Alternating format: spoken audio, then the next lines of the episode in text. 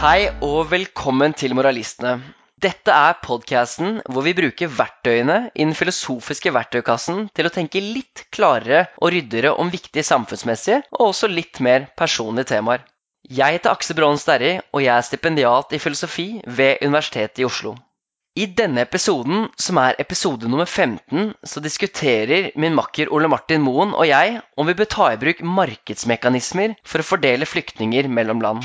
Hvis dere syns episoden spesielt, eller podkasten generelt, gir dere noe, så hadde vi satt stor pris på om dere forteller venner og bekjente om moralistene, slik at også de kan få gleden av å høre på podkasten vår. Uansett så håper jeg dere får glede av denne episoden. Aksel, du og jeg jobber jo på et forskningsprosjekt som heter What should not be bought and sold? Altså hva bør ikke kunne kjøpes og selges? Og da har vi diskutert mange forskjellige temaer. Vi har diskutert surrogati og prostitusjon. Også kjøp og salg av organer, sånn som nyrer. Du skrev i Dagbladet for ikke så lenge siden om at kanskje staten burde kompensere økonomisk for nyredonorer. Men en ting som du har tenkt litt på i det siste, og som vi ikke har snakket om, er kjøp og salg av flyktninger. Kan du si litt om det? Ja, altså vi får se da hva vi ender med, om det er lurt eller ikke. Men det som iallfall er klart, er jo at vi trenger å gjøre noe med dagens system. Som de fleste har fått med seg hvis man har eh, lest litt eh, nyheter de siste årene, så har det jo kommet veldig veldig mange flere flyktninger til eh, land som Norge de siste årene. Og det skyldes selvfølgelig at det er krig og forferdeligheter rundt om i verden. Og det har jo fått mange stater, som eh, bl.a. Norge, til å stramme inn veldig på hvor mange flyktninger man eh, tar inn.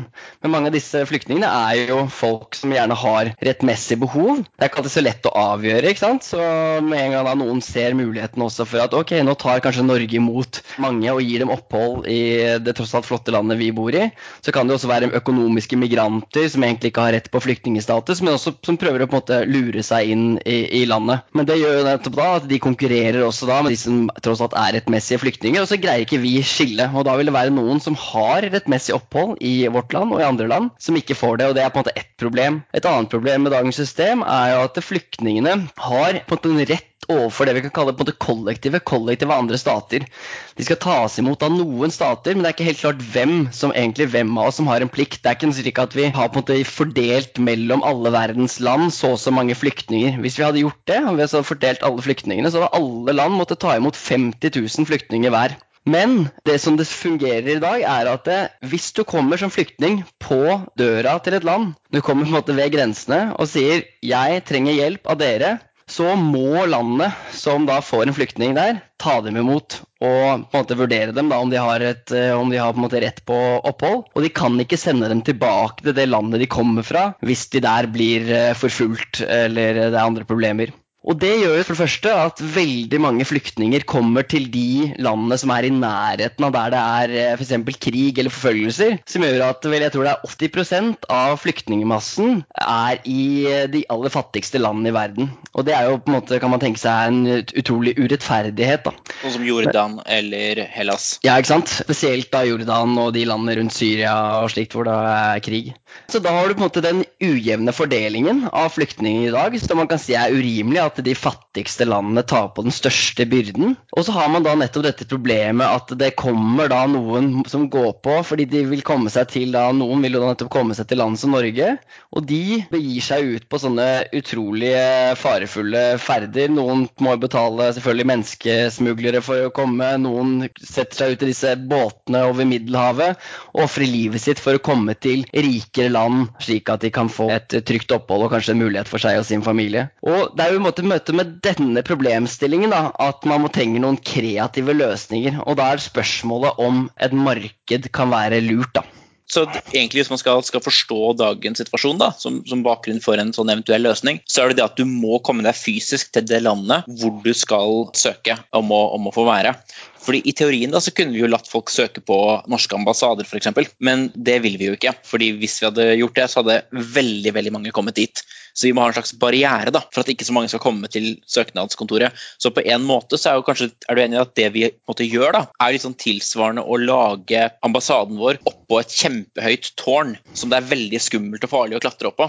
Og mange faller ned, og mange drukner, og det er helt forferdelig å komme seg opp til den døra da, hvor du kan på en måte søke. Men det er liksom det vi gjør, da. Vi har ikke tårn da, men vi lar folk reise kjempelangt for å komme til vår grense, og når de kommer dit, da kan de få lov. Og det ville jo sett horribelt ut å ha et sånn grufullt tårn med masse pigger og slike ting, sånn at folk døde når de falt ned. Det ville vi ikke hatt. Men er det i praksis det vi har? Det er eh, definitivt i praksis det vi har, og det er ikke bare det at vi Man kunne tenke at det bare er rent sånn geografisk, så er på en måte Norge tilfeldigvis f.eks. plassert langt oppå det fjellet eller hva det skal være.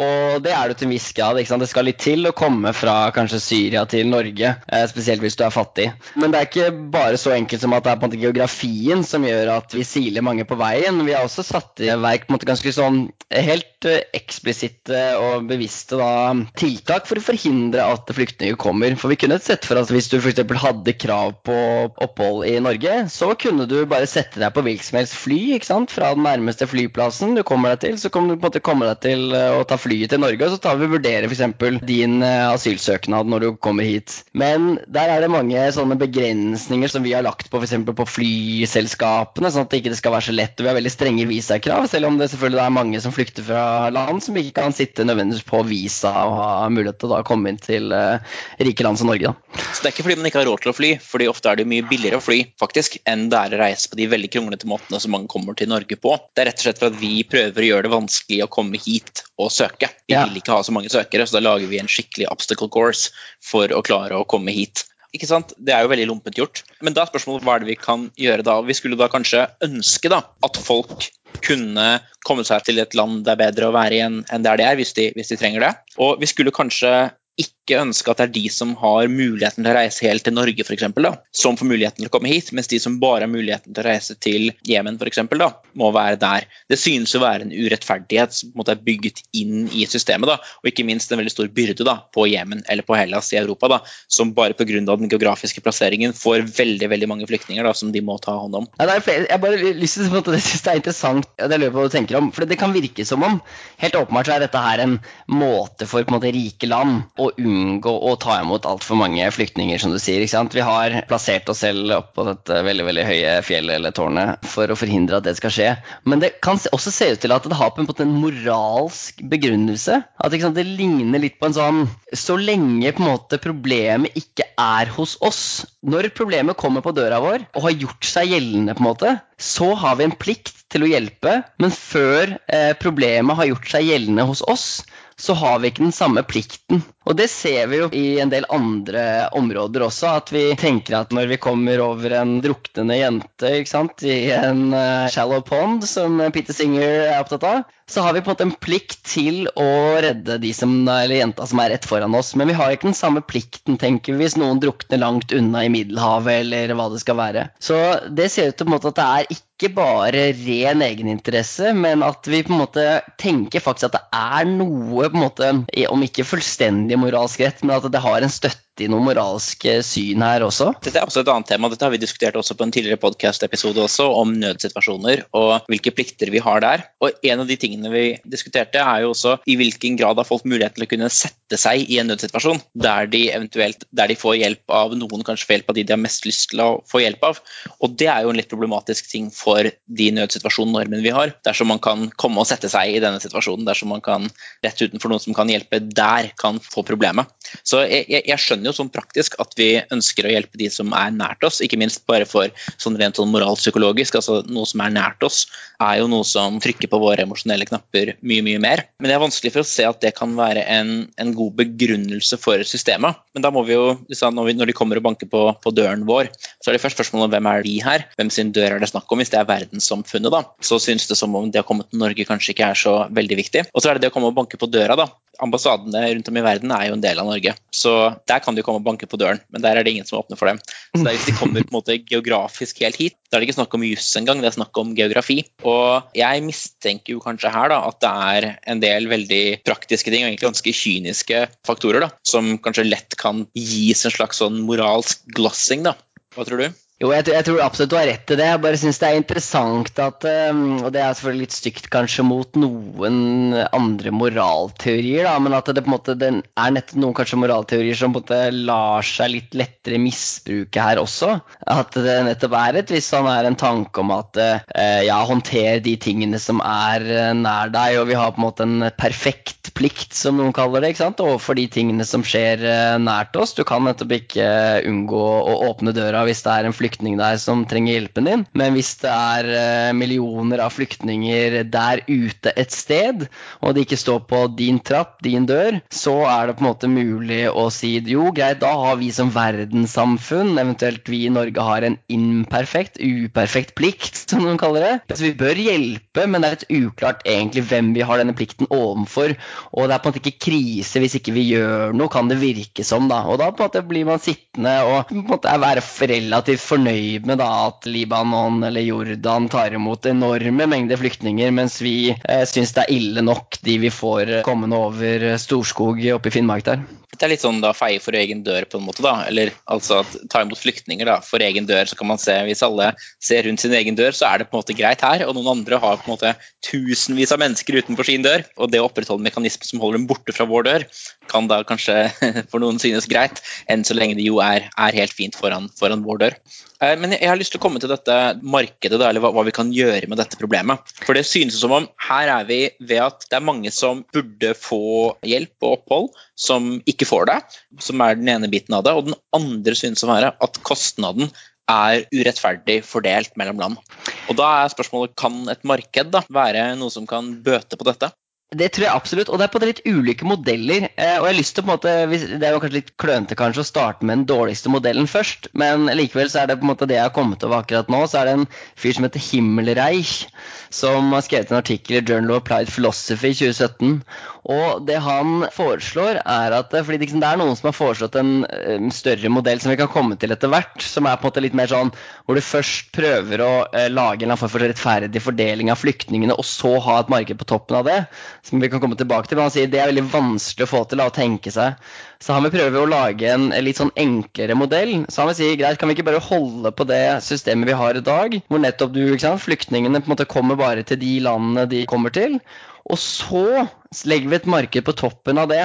Og da vil det fungere slik, ikke sant? hvis det da kommer Så han sier jo ikke sant, et problem i dag er nettopp det at eh, når flyktningene kommer til Norge, og blir det for, måte, for mange av dem, så kommer sant, populistiske politikere sier han, til å på en måte stramme inn og da urettmessig stenge en del flyktninger ute. Men hvis populistiske politikere får muligheten til å heller kjøpe eh, av f.eks. han bruker eksempelet Storbritannia og Ghana, da, hvis britiske politikere får lov til å kjøpe plass hos ghanesiske myndigheter, de vil gjerne ta imot noen flyktninger fra, som har kommet til eh, Storbritannia. De tar over både selve prosessen med å avgjøre om flyktningene skal ha rett på opphold, men i tillegg tar på seg da altså forvaltningsplikten til å ta vare på disse flyktningene på vegne av Storbritannia. da. Så det vil, Han argumenterer for at det vil på en måte være en eh, win-win. Han mener at det kan forsvares på et sånn rett rettighetsgrunnlag at eh, ja, eh, man kan dele mellom plikten som er å sørge for at noen får et opphold,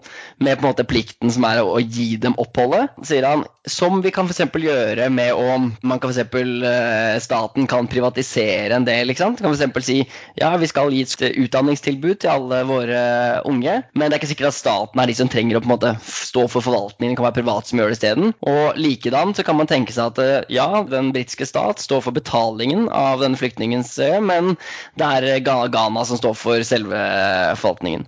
Og det mener han også har da en sånn velferdsbegrunnelse, da, at dette vil være en vinn-vinn-situasjon. Fordi ghanesiske myndigheter vil på en måte se det som gunstig å få noe mer penger. Det er billigere å ta imot en uh, flyktning i Ghana enn det er i Storbritannia, så Storbritannia vil også se seg tjent med å på en måte betale bort. Og fordelen for flyktningen er jo da selvfølgelig at uh, du slipper, og at uh, disse rike landene på en måte blir strengere og strengere og strengere, og strengere, og at man da kan sørge for at flere flyktninger får opphold. Da. Og han sier jo, innrømmer det, det er jo langt fra et perfekt system, men han argumenterer for at det er et bedre system enn dagens løsning. Jeg er ikke overbevist om at det er det, men det er iallfall et forslag der ute. da. Men da var ideen at da er det Storbritannia som i så fall må betale for dette. Så de får noen inn, og da ligger den økonomiske byrden på Storbritannia, men så kan de velge å delegere den til noen som vil ta disse flyktningene imot for en eller annen pris. Det er en slags sånn stykkprisfinansiering da, av flyktninger. Og, og, dette virker jo sånn intuitivt rimelig. For jeg kan tenke at Dette gjør jo at det kanskje blir lettere å komme seg til et eller annet land hvis du trenger å flykte,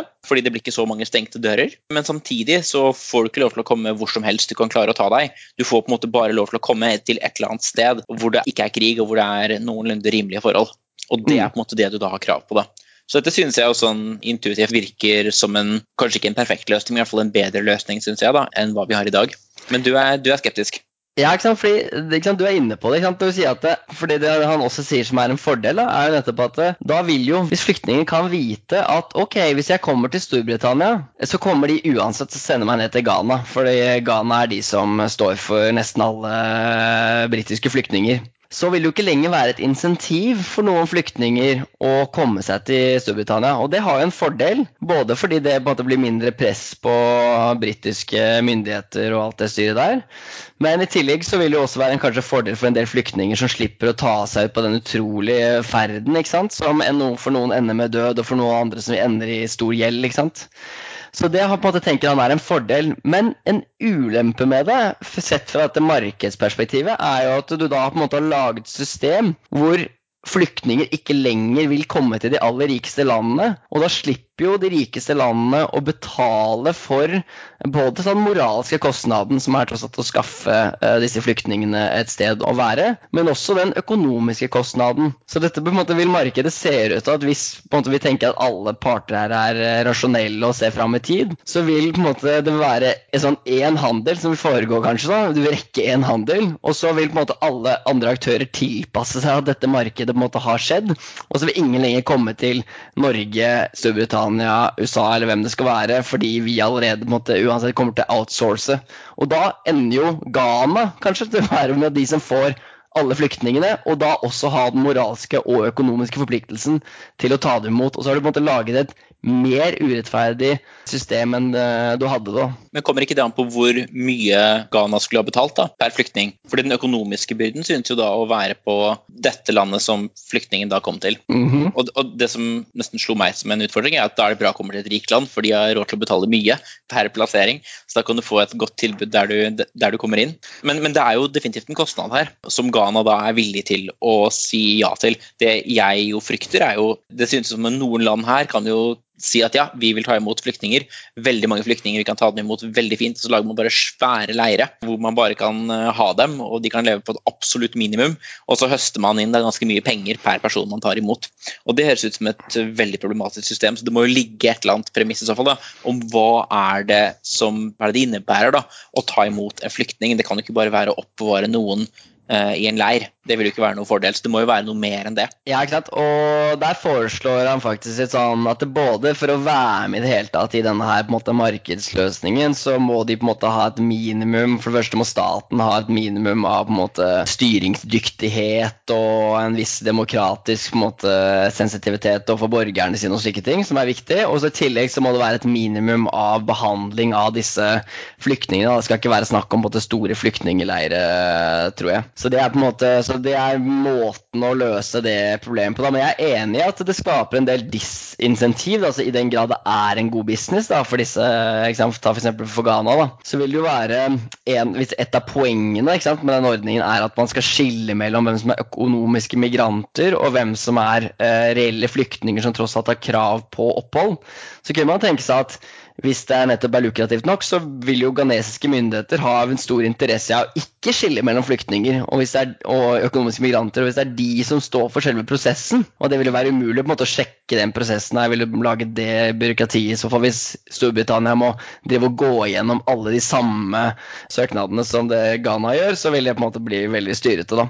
Så da har du skapt et problem der, da. Men jeg tror likevel problemet altså, Jeg er enig med deg at denne kritikken jeg har, da, som går ut på at når flyktninger flyktninger ser at eh, dette er noe som skjer. At alle som kommer til Storbritannia, alle flyktninger som kommer til Storbritannia, kommer til å uansett havne i Ghana, så mangler det et insentiv til å dra til Storbritannia. ikke sant? Og hvis dette skjer etter at markedet allerede er satt i gang, så er det mindre et problem. For da skulle man tenke seg at eh, Ghana vil på en måte ta det inn over seg når de setter prisen. Da vil de på en måte tenke ok, i neste runde så kommer vi til få alle flyktningene. Og da kommer ikke Storbritannia lenger til å betale, og så må de bare ta utrolig mye betalt for de første flyktningene i påvente av, av at de senere kommer til å få all byrden. da. Men det er det jeg forventer, er at du skal få et system hvor da selv før markedet har på en måte satt i gang, før en betaling har skjedd, så kan f.eks. britiske politikere gå ut og si tydelig når dette markedet kommer på plass, så kommer ikke vi til å ta imot noen flyktninger. Vi kommer til å kjøpe oss plass i fattigere land. Så det er bare å drite i å komme hit, dere flyktninger, til oss. Og hvis da flyktningene før markedet er på plass, eller sånn, mens markedet er på plass, da heller velger strategisk å gå til fattigere land fordi det ikke er noe å tjene på å dra til Storbritannia, så vil markedet være en mye dårligere løsning for de fattigste landene. Fordi, fordi de får ikke kompensasjon av eh, de rike landene lenger. Så det som du kan si er at dette løser på en måte halvparten av problemet? på en måte da. Det, det løser det at du får opphold i et eller annet land ikke nødvendigvis landet du vil komme til. Og det kan kanskje også løse den urettferdigheten med at det er ikke de som klarer å komme helt til Norge for eksempel, da, som får være her. Men det løser ikke det problemet om hvor måte, byrden faller, da, hvor den økonomiske byrden er. Fordi her, Da ville jo ingen egentlig ha en grunn til å reise lenger enn til det nærmeste landet som er med i denne poolen her, da, eller hvor du kan søke om å være flyktning på den måten. Da vil alle bare stoppe i Hellas, og så vil hele utgiften da ligge på Hellas. Er det en måte å se det på, at det løser problemet på den ene siden, men ikke den andre? Ja, og jeg er redd for at den, den løser på en måte det problemet for rike land. Eh, så løser den problemet at det blir mindre trøkk på oss. Og så løser den kanskje problemet i den forstand at de flyktningene som drar til Norge og får nei fordi vi har satt altfor strenge kriterier, f.eks., de vil da kanskje heller komme til et land som vil, være, vil ta dem, måtte ta dem imot. Da. Det kan hende, på en måte. Så det lille problemet der løser den. Men ellers så vil det ligne på en måte bare mye på et system som er i dag. Da, og du må bare ende med å dra til noen veldig, veldig dårlige land, da, og så få opphold der. da. Man, man, kan jo se for seg at noen, de som sier at man skal hjelpe dem der de er, eh, hvis det man mener med det er hjelpe dem et annet sted enn her, som det kanskje noen ganger er, da. At det er ikke egentlig å ha dem der de er, det er å ha dem et annet sted enn her. Eh, hvis det er det, så har man kanskje la løst på noen måte, da. Men det virker som en ganske enkel løsning, i hvert fall for rike land som er ganske langt unna da, der de store flyktningstrømmene er. Men hva, hva er det spennende også at den forfatteren heter Himmelreich, som betyr himmelrike? ja. Som jo er på en måte det stedet alle, prøver, alle sjelene prøver å komme seg til. Men hva, hva er det som er bedre enn hva Himmelreich kan komme med, da? Nei, altså jeg tror nettopp altså, det, det, Jeg tror det forslaget på en måte viser ikke sant, er at vi trenger å tenke måte, hvordan skal flyktningene fordeles i utgangspunktet. Han på en måte prøver seg på en løsning hvor det nettopp skal være sånn som i dag, at flyktninger bare må komme seg et sted, og så skal på en måte markedet løse det, altså problemet derifra. Men som vi nå har sett uh, den lille samtalen vi hadde, så er jo på en måte problemet der at det endrer jo på en måte flyktningenes atferd, og da endres på en måte hvor bra det markedet fungerer. Så det vi trenger, på en måte er jo eh, ideelt sett er jo å ha en eller annen form for rettferdig fordeling av hvem som på en måte skal ta på seg byrden. Eh, og Det er jo ikke slik at flyktninger nødvendigvis bare er en byrde, men det er iallfall også en byrde. Så hvem er det som skal ta på seg byrden med å på en måte huse disse flyktningene? Og da er det jo flere forslag som er kommet opp, og dette trenger ikke knyttes til et marked, egentlig. Så det er på en måte to separate biter av det forslaget. da. Én er jo bare nettopp fordelingen av byrden, og så er det spørsmålet om man skal ha et marked på toppen av det. Men eh, det som i fall kan være med byrdefordeling, så kunne man f.eks. tatt utgangspunkt i hvor stort landet er, med en tanke om at eh, jo flere borgere du har, jo lettere er det å ta imot eh, 1000 eller 10 000 flyktninger. En annen indikator kan jo være økonomisk størrelse, så bruttonasjonalproduktet. Jo mer penger du har, jo mer er det på en måte lettere for deg er det å måte, ta imot byrden ved å ta imot eh, flyktninger. Og så kunne man også for så tenke seg en del andre ting som er sånn evnen til å integrere. Kanskje har USA en større evne til å integrere enn et uh, homogent land som Norge og sånn, men da begynner det fort å bli vanskelig. ikke sant? Så kunne man også sett for seg mer sånn kjipe ting som hvor rasistisk befolkningen er, fordi det også går utover på en måte integreringen av flyktninger. Men når det kommer til en rettferdig fordeling, så man, kunne man tenke seg at nettopp det ville være et fint utgangspunkt. da. Ja, og, men her ser jeg for meg Hvis man sier at man skal fordele dem fra BNP, da ser jeg for meg at her kommer USA til å sette ned foten. Og sier man på en måte fordeler per innbygger, så kommer jo selvfølgelig Kina til å sette ned foten. Så det virker som det er en del store spillere i dette her som ikke vil ønske å kunne gå med på denne. Hvis du går på areal, så vil nok antagelig Russland sette ned foten. Um, men, ja. så da, da, da, blir dette på en måte blokkert uansett. Men, men, ideelt sett så burde man jo tenke at tenker man kanskje at det er verdenssamfunnet da, som på en måte skal bære byrden på en eller annen måte. da. Og da ja, hva har vi da? Er det noe realistisk som kan bevege oss dit? Altså Hvor alle disse viktige aktørene vil kunne ha slags, et slags insentiv da, til å bevege seg i hvert fall litt mer og litt mer og litt mer i den retningen? Det, det, det jeg har, jeg, Her er jeg litt naiv, tipper jeg, da, men det jeg syns er flott med markedsløsninger, er jo at de ofte kan på en måte være det som sukrer pillene til å få på plass slike systemer som er mer rettferdige i bunnen. For det kunne man jo tenke seg, iallfall. For hvis det er slik at du legger veldig mye vekt på BNP, da, som du sier, hvis det er slik at flyktninger fordeles etter eh, bruttonasjonalproduktet, så vil USA åpenbart få veldig veldig mange flyktninger, og de vil sette foten ned, uh, iallfall nå, men uansett så ville de nok gjort det. ikke sant? Men hvis det var mulig for USA å ja, få den byrden som det er f.eks. Skal vi bare ta et tall ut av lufta, da. De har ansvaret for 250 000 flyktninger. Det følger av denne formelen vi lager basert på bruttonasjonalprodukt og populasjonsstørrelse og andre faktorer som kan være relevante. Men de har også muligheten til å kjøpe seg plass i andre land. Så da blir det en stor økonomisk byrde, men det trenger ikke da bli en så stor Kall det ja, populismeøkende, men også da selvfølgelig på befolkningen. Ikke sant? Det blir ikke en så stor byrde i det landet da nødvendigvis. Og det tror jeg på en måte flere kunne gått med på. Da. Så hvis du gir den fleksibiliteten som ligger i en markedsløsning, eh, så kunne man fått på plass, kunne man håpe iallfall, en sånn fordelingsordning i bunnen.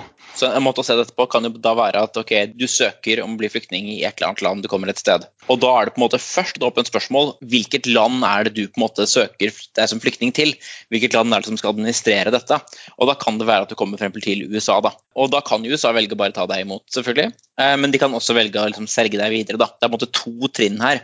Det er først helt åpent hvilket land som skal ta ansvar for å plassere deg når du kommer inn. Kanskje da slik at land med mye BNP, Norge f.eks., høy BNP, må betale mye slik at det er flere da som kommer til Norge eller kommer til USA eller Storbritannia. Men du kan likevel da bli plassert stort sett overalt også, da. Så det er nesten sånn randomisering, da. Eller en randomisering først, iallfall. En fordeling først. Først en fordeling hvem skal bære denne byrden. Og så er det på en måte hvor skal vedkommende plasseres. Ja. Er, er, det på en måte de, de to trinnene, da. Nettopp, ikke sant? Så du, du har ikke i, fall i første delen av dette forslaget, men det er interessant å på en måte dytte inn eh, flyktningens preferanser også. Men i dette systemet så vil på en måte flyktningen ha ingenting å si. Så flyktninger vil bare plasseres utover sant, alle land. Du trenger opphold, men det du har rett på, er ikke å selv kunne bestemme hvor, hvor du får beskyttelse. Du skal bare ha beskyttelse. Og så vil så og så mange flyktninger plasseres på Norge. Og så har vi nettopp muligheten til å enten si ok, eh, vi tar inn 50 000, men de neste 50 000 de har vi ikke plass til. Så da kjøper vi plass hos Ghana eller Uruguay eller hvem det skal være, på en sånn type flyktningebørs. da. Og jo flere som ikke ønsker å ta imot flyktninger, jo dyrere selvfølgelig vil det være å plassere flyktninger hos andre. Men det vil likevel da kanskje gjøre, det, gjøre både på en måte dette nettopp rettferdige fordelingssystemet levelig, men eh, det vil også da sikre flere flyktninger, kan man håpe, da, et uh, trygt sted å bo. Og da vil du slippe hele dette problemet med at de må komme seg langt for å komme seg til Norge, eller hvor det skal være for å søke om opphold. Men presumptivt så må jo dette kunne gå i noen bolker. Det må være på en måte kanskje en familie som helhet. da. Vi kan ikke ha en fullstendig randomisering per person. Altså en havner i Ghana, og en havner i Brasil, og en havner i Canada. Liksom. Det vil jo være veldig, veldig trist. Så man kunne jo selvfølgelig hatt det også, bare for å gi disinsentiv da, for å søke flyktningstatus. For da risikerer du det. Og det er jo noe man ser på en måte ut til å ønske. Men her må man jo gruppere sammen på en eller annen måte. da. Og man ser for meg at Idet man tillater gruppering, da, så kan det jo hende at familier og slikt blir veldig veldig store etter hvert. da. Ikke sant? Og det er jo interessant, for jeg tror du har rett i det, ikke sant? at de færreste vil jo være for en helt sånn atomisering her, da, hvor det er sånn Her er det bare hvert menneske for seg selv, og en familie kan plasseres. En i Uruguay og en i Norge. og Ja, barn og voksne og alt sammen. Du bare ja, plasseres rundt i verden. Du kan jo ha flaks, da, selvfølgelig. men, det, men det høres ikke ut som et veldig godt system. Nei, det er ikke et godt system, og man kan jo ta det hakket lenger. Og da begynner man jo nettopp å se at kanskje tenker vi egentlig at flyktninger ikke bare har en rett på beskyttelse, men at de faktisk kanskje har en rett på, eller iallfall at det er en grunn til å tenke på andre behov de har. da. Det er noen som av ulike grunner eh, må flykte fra landet sitt og bli revet opp av de sosiale behov de har der, ikke sant? hvem de er og sånn. Flytte til et helt annet land. Og så er det ikke da iallfall en Hvis vi kan få det til, så virker det lurt og bra at de får komme til et land som, måtte, hvor det er lettere for dem å måtte, fortsette det livet de allerede har startet og satt i gang, og alle de prosjektene de har. Og man kan jo gjøre det veldig enkelt å bare si hvis du f.eks. flykter fra et sted fordi du er homofil, så er det på en måte også veldig synd om du skulle plasseres i et veldig homofiendtlig land. ikke sant? Og Derfor er det f.eks. mange som er homofile iranere, f.eks., som søker seg til Canada, for Canada er et uh, veldig liberalt land. ikke sant? Så Det er ikke sikkert at de deler så mye annet uh, med canadiere, men likevel så er det i fall noe som gjør det mulig for dem å leve et bedre liv. Og det virker jo gunstig iallfall å ta høyde for. da, og Da kunne man tenke seg at det er flere sånne type ting som det der da, som man skulle på en måte ønske ideelt sett å, å, å ta høyde for i et perfekt system. da. Det kan jo også være at det er flere andre som kommer fra litt samme på si, land- eller kulturkrets, da, som allerede finnes f.eks. i et område da, eller i et land. Så det, det, det synes jo på en måte som om ideelt sett så er spørsmål altså det, det, finnes jo antagelig da ett for hver familie eller hver person. da, Så finnes det på en måte et sted hvor det hadde vært best at de var i verden. Og det er spørsmålet hvordan er det vi kan få dem dit? Og hvordan kan vi, Hvis de som er der, ikke vil ha dem der, så er spørsmålet okay, hvor mye kan vi kompensere dem da, for at de skal ta dem der likevel. Og Dette handler jo bare om å flytte mennesker rundt på jorda, egentlig, og vi har jo fly og sånn, så vi klarer jo å flytte folk rundt. Så det er et sånt administrativt problem, egentlig, sånn styringsproblem. da. Hvordan kan vi klare å flytte folk dit de burde være? Det kan se for at du kan komme da til dette, en sånn disk hvor du på en måte kan si at her er, her er jeg eller her er vi, og vi trenger å flykte. og det med rette på en eller annen måte, det må du godt gjøre for uansett. Det er spørsmålet okay, hvor er det vi liksom kan, kan, plassere dere inn, da. Og da kunne man jo se for seg at de kan rangere da tre øverste plasser eller noe slikt, da, så kan de si at ok, de får en av de tre. Det er jo da veldig problematisk, for da vil det jo være veldig rike land som vil motta nesten alle uansett, hvis man har rett på det. Men man kan i si ok, er det noen land du ikke bør plasseres i, da. Så kunne det kanskje vært en sånn kriterium da, for at, at du, du, du, i hvert fall ikke skal plasseres i de og de og de landene. Men jeg ser for meg at dette kan bli et veldig komplisert system, det også. Jeg, jeg bare prøver å tenke meg Hvordan er det på en måte idealet her hadde sett ut? da? Og hvor langt er det vi kan komme nært det idealet ved hjelp av et byråkrati? Ja, og det, det her er jo det økonomene kaller et såkalt sånn matching-marked. Og man kjenner det igjen fra?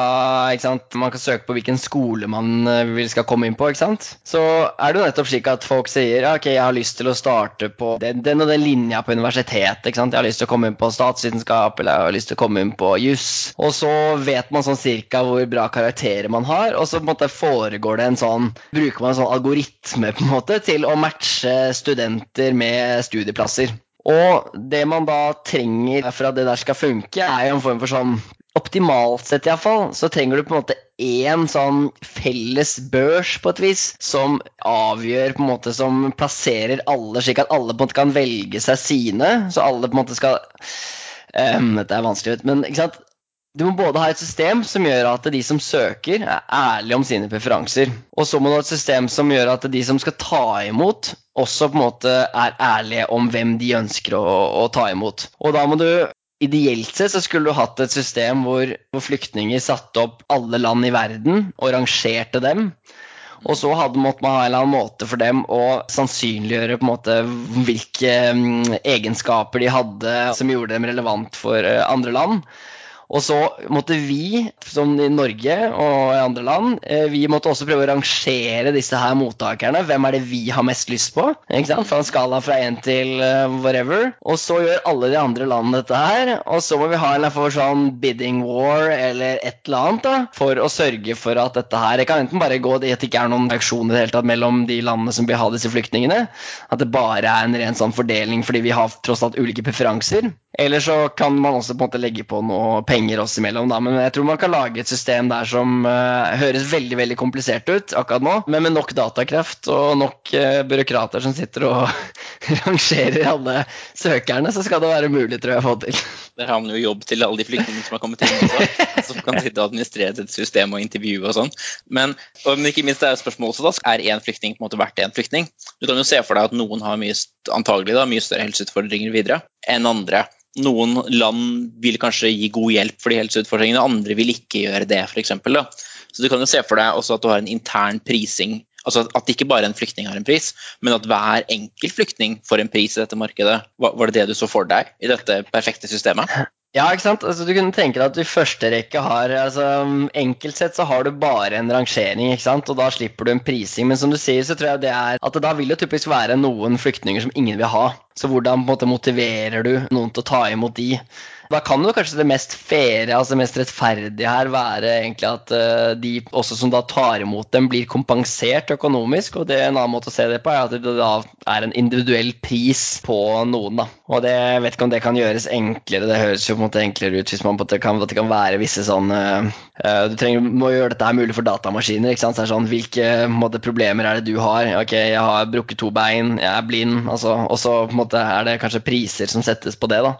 Ja. Uh, som gjør at uh... Det holder ikke bare å ha en pris, det må være en pris som noen er villig til å ta. Mm. du har krav på et opphold i et annet land, du kan jo ikke maskinen regne ut at nei, du, den prisen er 400 000 kroner. Og så er det sånn, ja, er det any takers? Og så er svaret nei, det er det ikke. Da må jo den prisen opp. Ja. Eh, og da ønskes vel ikke sånn kartell her, da, som måte, alle sier nei hele tiden bare for å få prisene opp. Og så er det en som snapper tak i den når prisen har blitt skyhøy. For det, prisen må i så fall opp, da. Må den ikke det? Jo, altså... Det kunne man se for seg at alle land bare hadde ute. Vi kan ta imot slike den kategorien og slike den kategorien for så til så mye. Og så må du bare matche. Du må på en måte take their bid.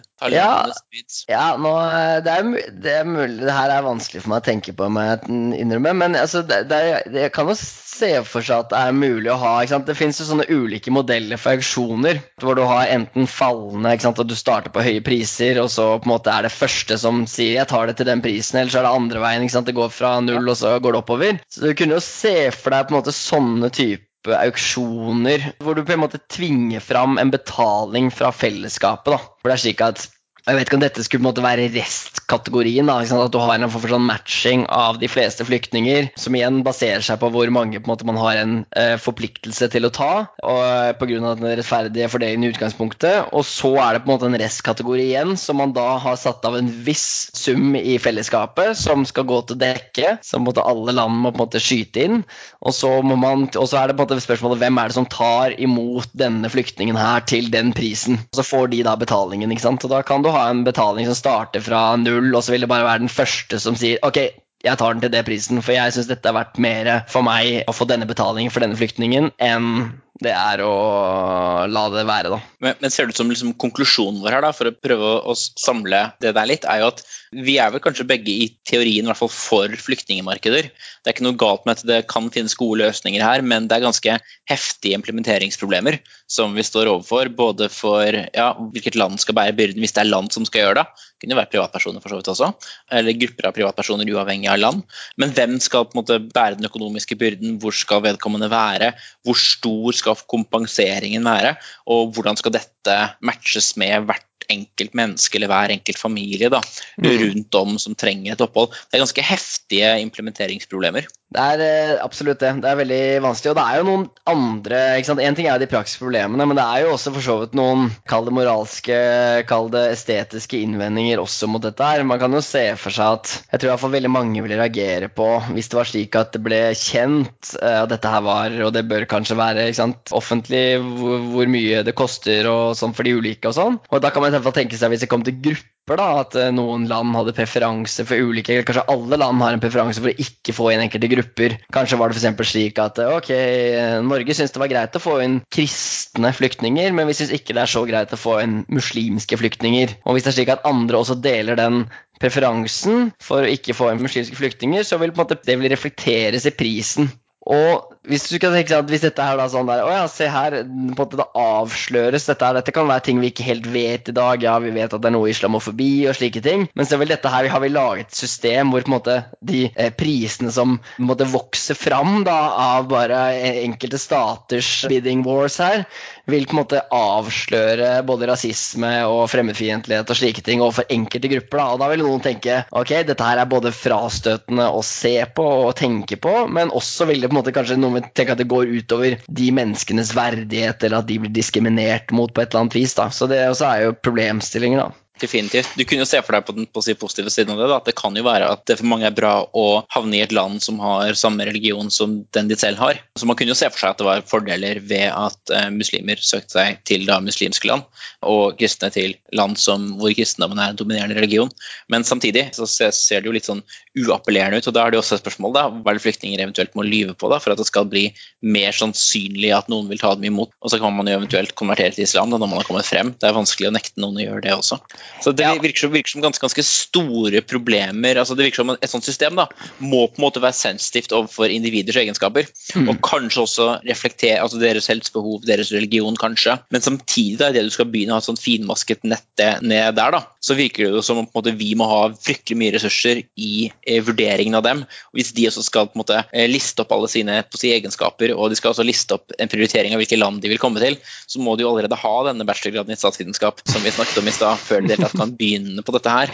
Eh, og hvis mange av de f.eks. er eh, Ja, det virker jo veldig veldig problematisk. Så man må jo ha en løsning som kanskje ikke krever så enorme da, investeringskostnader, for å, for å si det økonomisk. Ja, og, men det er mulig at uh, i dag er jo disse kostnadene spredt utover, så det er på en måte ikke slik at vi nødvendigvis ser alle de kostnadene som går med til å på en måte få disse systemene til å virke. Ikke sant? Bare ta ikke sant, hvor my mye ressurser flyktningene selv bruker, og det gamblet selvfølgelig de tar med sitt eget liv for å komme seg til andre land. Det er på en måte ett problem.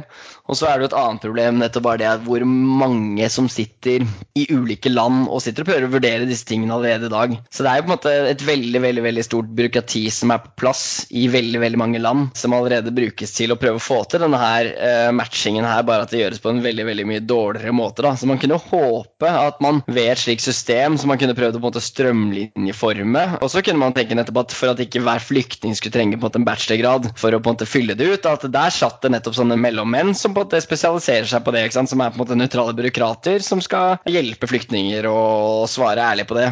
Jeg lurer på om noe som kunne vært et problem her, er at hvis, hvis det er common knowledge hva som nettopp er det som er populært, som du var inne på.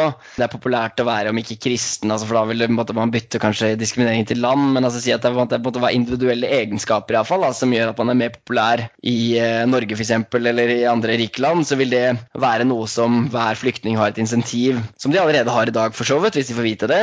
Det lønner seg å være homofil f.eks. hvis du får opphold i Norge, men ikke sant? så sånne type ting kan det da på en måte bli, det blir inflasjon da, i de type egenskaper som folk på en måte antar at vil være på en måte ettertraktet hos de partene. Og da vil også kanskje noen si eh, at dette her, nå har vi på en måte glemt hvorfor vi i det hele tatt har Flyktninginstituttet. Dette, dette, er ikke vanlig innvandring hvor på en måte statene skal velge seg de beste innvandrerne. Det skal være, dette her er på en måte et sted for å gi alle flyktninger opphold. Jeg tror ikke det er noen god innvending, men jeg tror noen vil på en måte mene at dette også blir en, en, kynisk greie hvor alle skal på en måte tenke på sitt da, og hva de får ut av dette her.